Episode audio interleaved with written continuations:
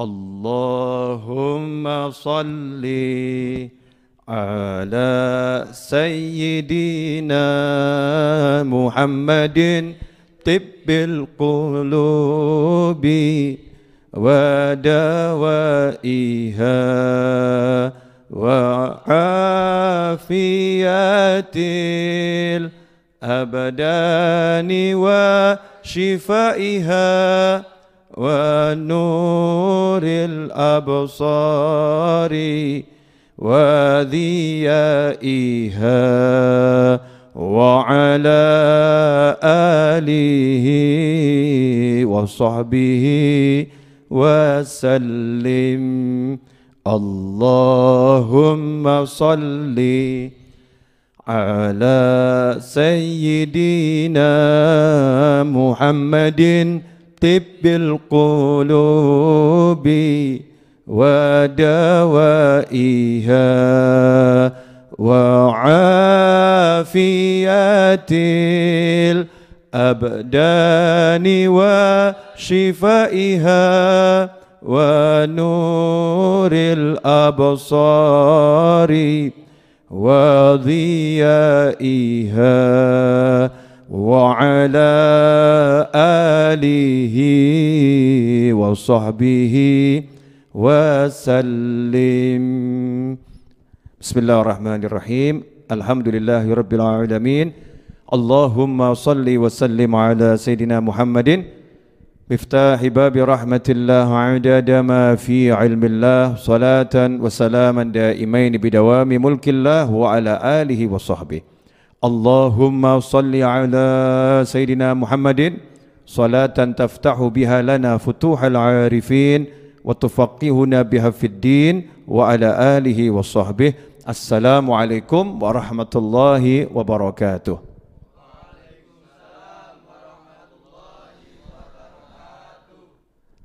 Kaum muslimin dan muslimat, pemirsa di mana pun anda berada, khususnya teman-teman santri yang dimuliakan Allah Ta'ala, Alhamdulillah kita bisa bersama-sama berkumpul kembali lewat dunia maya untuk belajar kitab Al-Hikam Ibn Atta'illah Al-Askandari rahimahullah. Mudah-mudahan pertemuan kita ini barokah. Ya, pertemuan kita ini man, manfaat.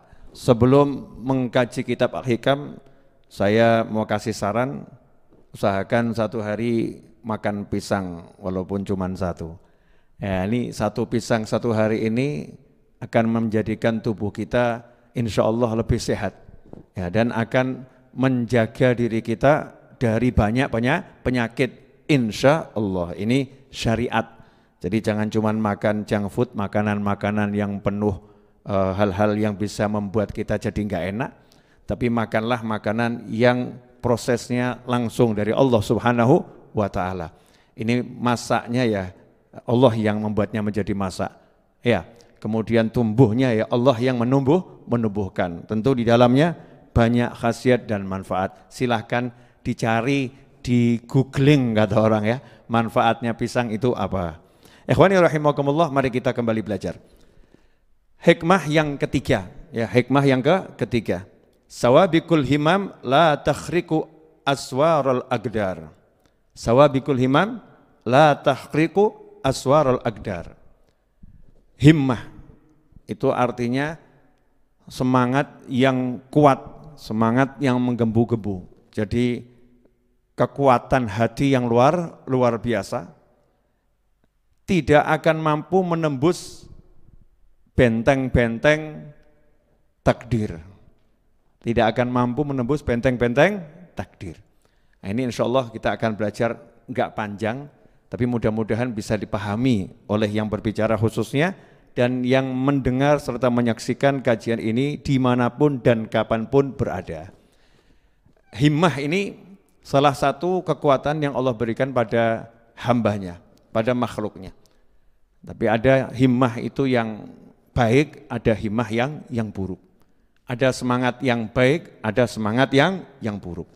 Semangat yang tinggi yang baik itu kalau pada diri seorang wali Allah, maka yang muncul jadinya karomah, keramat. Ya jadinya karo, karomah. Kalau muncul pada mukmin biasa jadinya maunah, jadinya per, pertolongan.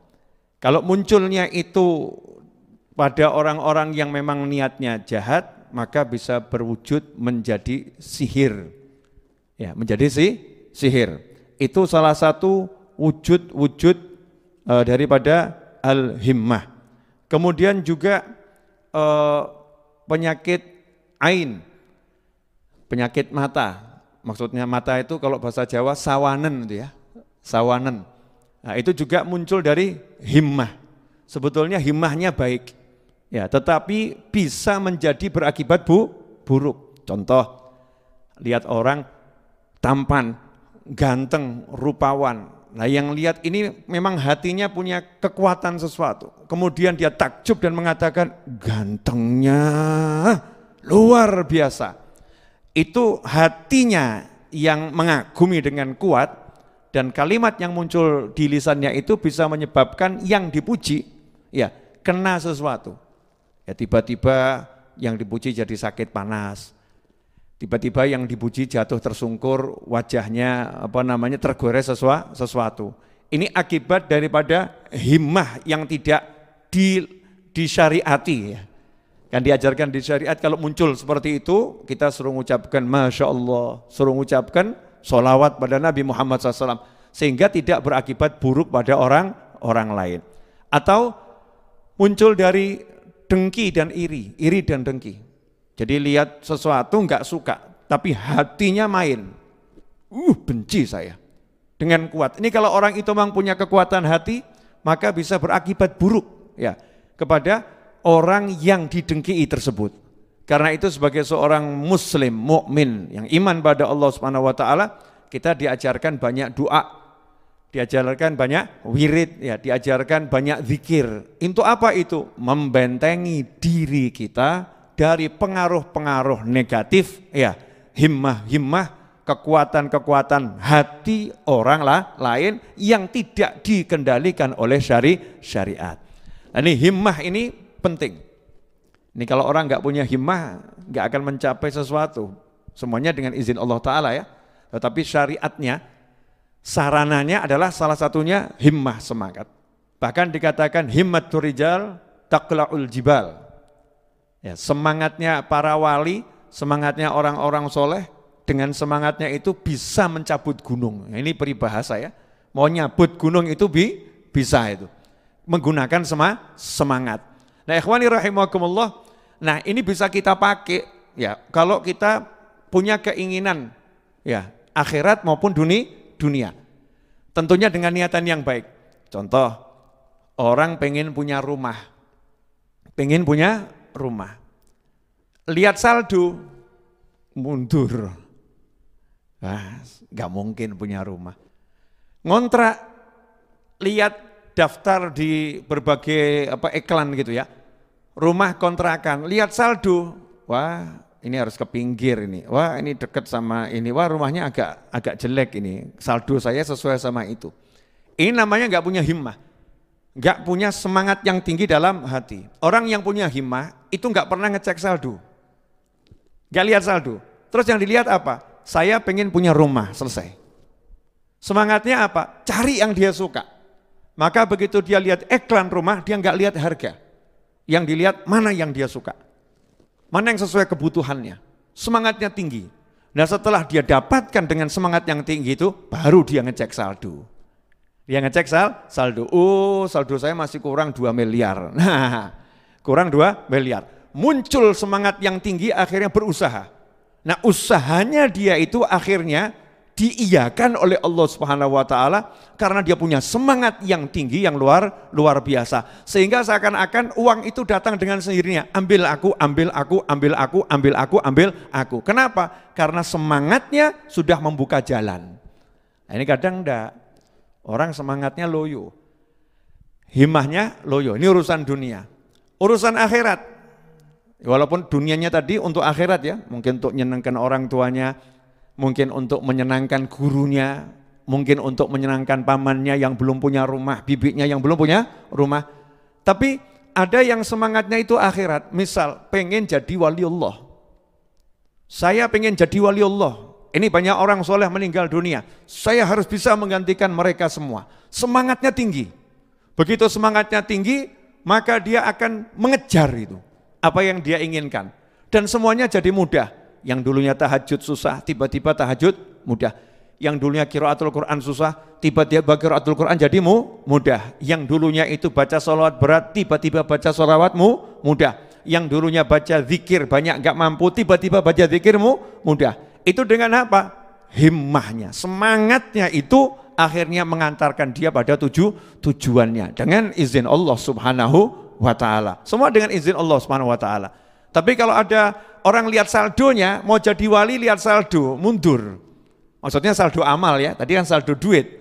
Mau jadi wali lihat, waduh, lawang saya ini mabuk belum berhenti masih suka mabuk-mabukan, mana mungkin jadi wali, coret, dah terima, memang saya model begini. Naudzubillah min min dzalik. Enggak boleh seperti itu. Ya. Kemudian lihat lagi, wah, masa lampau saya kelam. Susah saya ini mau jadi orang so, orang soleh. Oh lingkungan saya juga enggak soleh, lingkungan salah. Saya ini hidup di lingkungan yang salah. Dengan teman-teman yang bukan ahli sholat, bukan ahli zikir Teman-teman saya orang lupa semua, orang lalai. Dan saya susah meninggalkan mereka semua. Gak mungkin saya bisa jadi wali Allah. Ini kalau model begini, ini semangat kita. Ketika kita punya banyak dosa, maka kita nggak akan mencapai derajat yang tinggi di sisi Allah subhanahu wa ta'ala. Kita nggak akan pernah bisa berubah menjadi manusia yang benar dan baik menurut Allah subhanahu wa ta'ala. Tetapi, kalau kita pengen jadi wali Allah, maka yang kita lihat adalah yang bisa menjadikan kita wali Allah adalah Allah Subhanahu wa taala. Yang bisa menjadikan kita kekasih Allah hanyalah Allah Subhanahu wa taala. Sarananya apa? Langsung ke situ. Semangatnya amal soleh. Amal soleh akan saya tingkatkan. Walaupun saya punya banyak dosa, saya punya Allah yang Maha Pengampun. Walaupun saya ini bejat, Allah bisa merubah kita, saya menjadi orang yang tak taat seketika. Banyak contohnya. Dalam Al-Quran tukang-tukang sihir yang melawan Nabi Musa alaihi salam. Puluhan ribu tukang sihir. Dalam riwayat dikatakan 70 ribu tukang tukang sihir. Sebelumnya itu menyihir Nabi Musa alaihissalam. Maka menit berikutnya semua sujud di hadapan Allah Ta'ala menjadi pengikut Nabi Musa yang luar luar biasa dan semuanya jadi wali-wali Allah Subhanahu wa Ta'ala. Allah Maha mampu untuk merubah saya yang bejat menjadi ahli ta taat. Gak ada yang gak bisa. Ya kalau kita memang sudah punya tujuan yang betul dan semangat yang luar luar biasa. Ini dalam urusan akhir akhirat. Makanya himmah ini penting. Himmat rijal takla'ul jibal. Nah, yang jadi masalah kalau kita nggak punya himmah loyo. Eh sudahlah, gini deh pangkatnya begini. Mau suruh ngapalkan akidatul awam, wah saya ini otak lemot, mana mungkin bisa hafal. Waduh, nah, udah saya nggak mungkin. Akhirnya apa? Nggak mau ngapalin. Yang ada cuma ngecek handphonenya, baca WA, balas WA orang, cari berita, waktunya disia-siakan, ngelamunnya banyak dan lain sebagainya. Orangnya ada hadir nih, ya. kita kita ini mungkin orangnya hadir.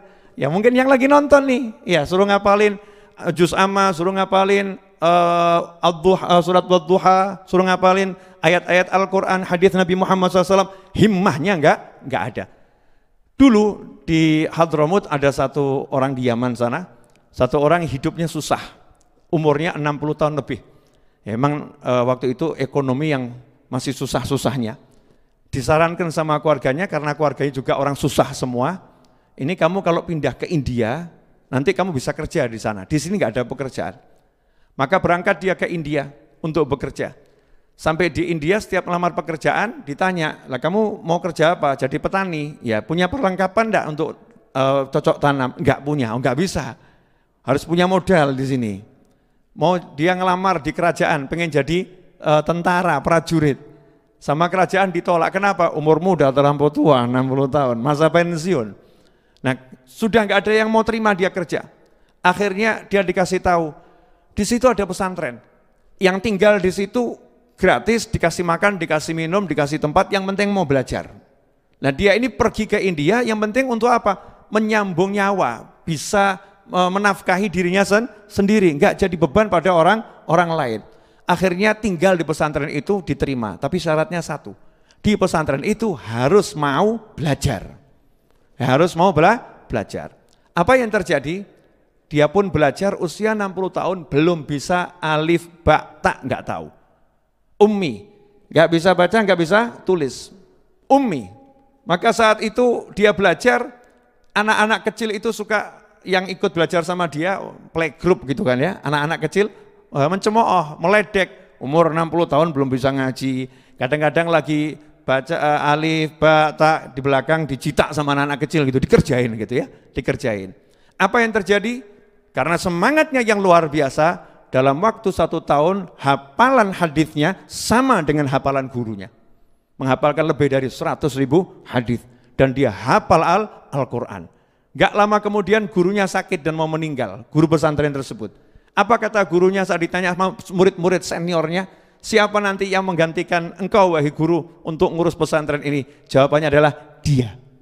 Muridnya yang umur 60 tahun lah lebih. Sama Allah Subhanahu wa taala diberi kemudahan menghafal, diberi kemudahan memahami karena punya himmah yang luar luar biasa.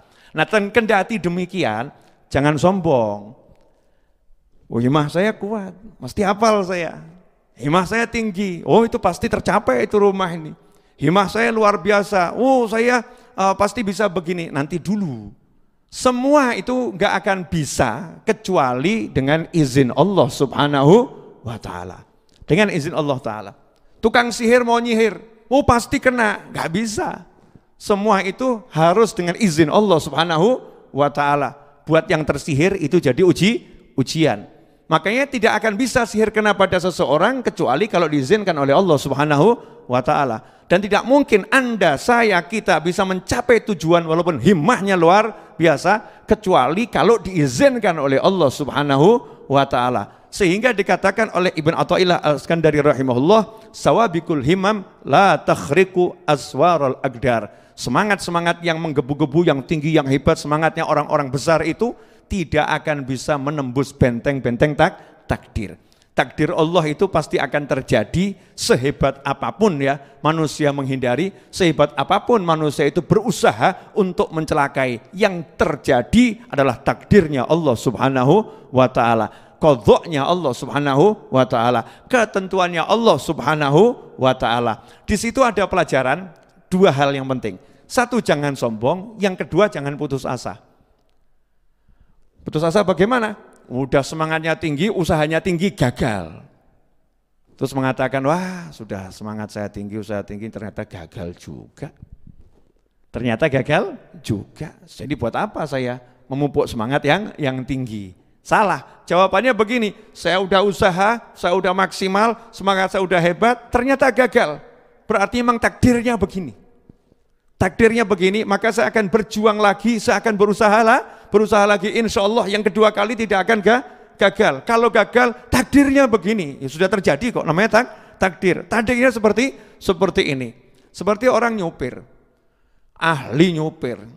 Ya, lintas antar pulau, antar provinsi ya, mungkin antar negara, negara. Gak pernah nyerempet. Gak pernah nyerempet, apalagi uh, apa nabrak. Diserempet pun gak, gak pernah. Perjalanan jauh dia, melintasi pulau Jawa, Gak ada satupun yang eh, apa namanya tergores di mobilnya. Tapi begitu dia parkir dengan ketelitian yang luar biasa, ya apa yang terjadi? Nabrak dia. Dia nyeng, nyenggol. Nah, ini apa kurang teliti? Enggak, dia udah teliti. Tapi apa? Takdirnya nabraknya di situ. Ya nabraknya di di situ. Enggak boleh hatinya kemudian hancur, dia kemudian apa namanya putus asa dan lain seba, sebagainya, trauma dan lain sebagainya. Dia harus kemudian berusaha. Besok saya harus lebih baik, nanti harus lebih baik. Tadi takdirnya memang seperti seperti itu. Nah ini manfaat. Kalau kita tahu ilmu yang demikian, maka hidup ini akan selalu optimis dan tidak ada sombong. Gak akan pesimis, gak akan mudah putus asa, tidak akan som, sombong. Yang ada adalah berusaha dan berusaha dan berusaha dan berusaha, berjuang dan berjuang dan berjuang, bangkit dan bangkit dan bangkit dan tidak pernah menyandarkan pada dirinya sen sendiri, selalu mengatakan bantu aku ya Allah, tolong aku ya Allah dan seterusnya. Nah kita kalau punya himmah semangat, jangan nanggung. Himmah itu yang sawabik, sabik, himmahnya yang tinggi, himmahnya yang juara, himmahnya yang unggul. Nah, itu ada satu Habib namanya Habib Abdullah bin Umar bin Yahya, ulama besar.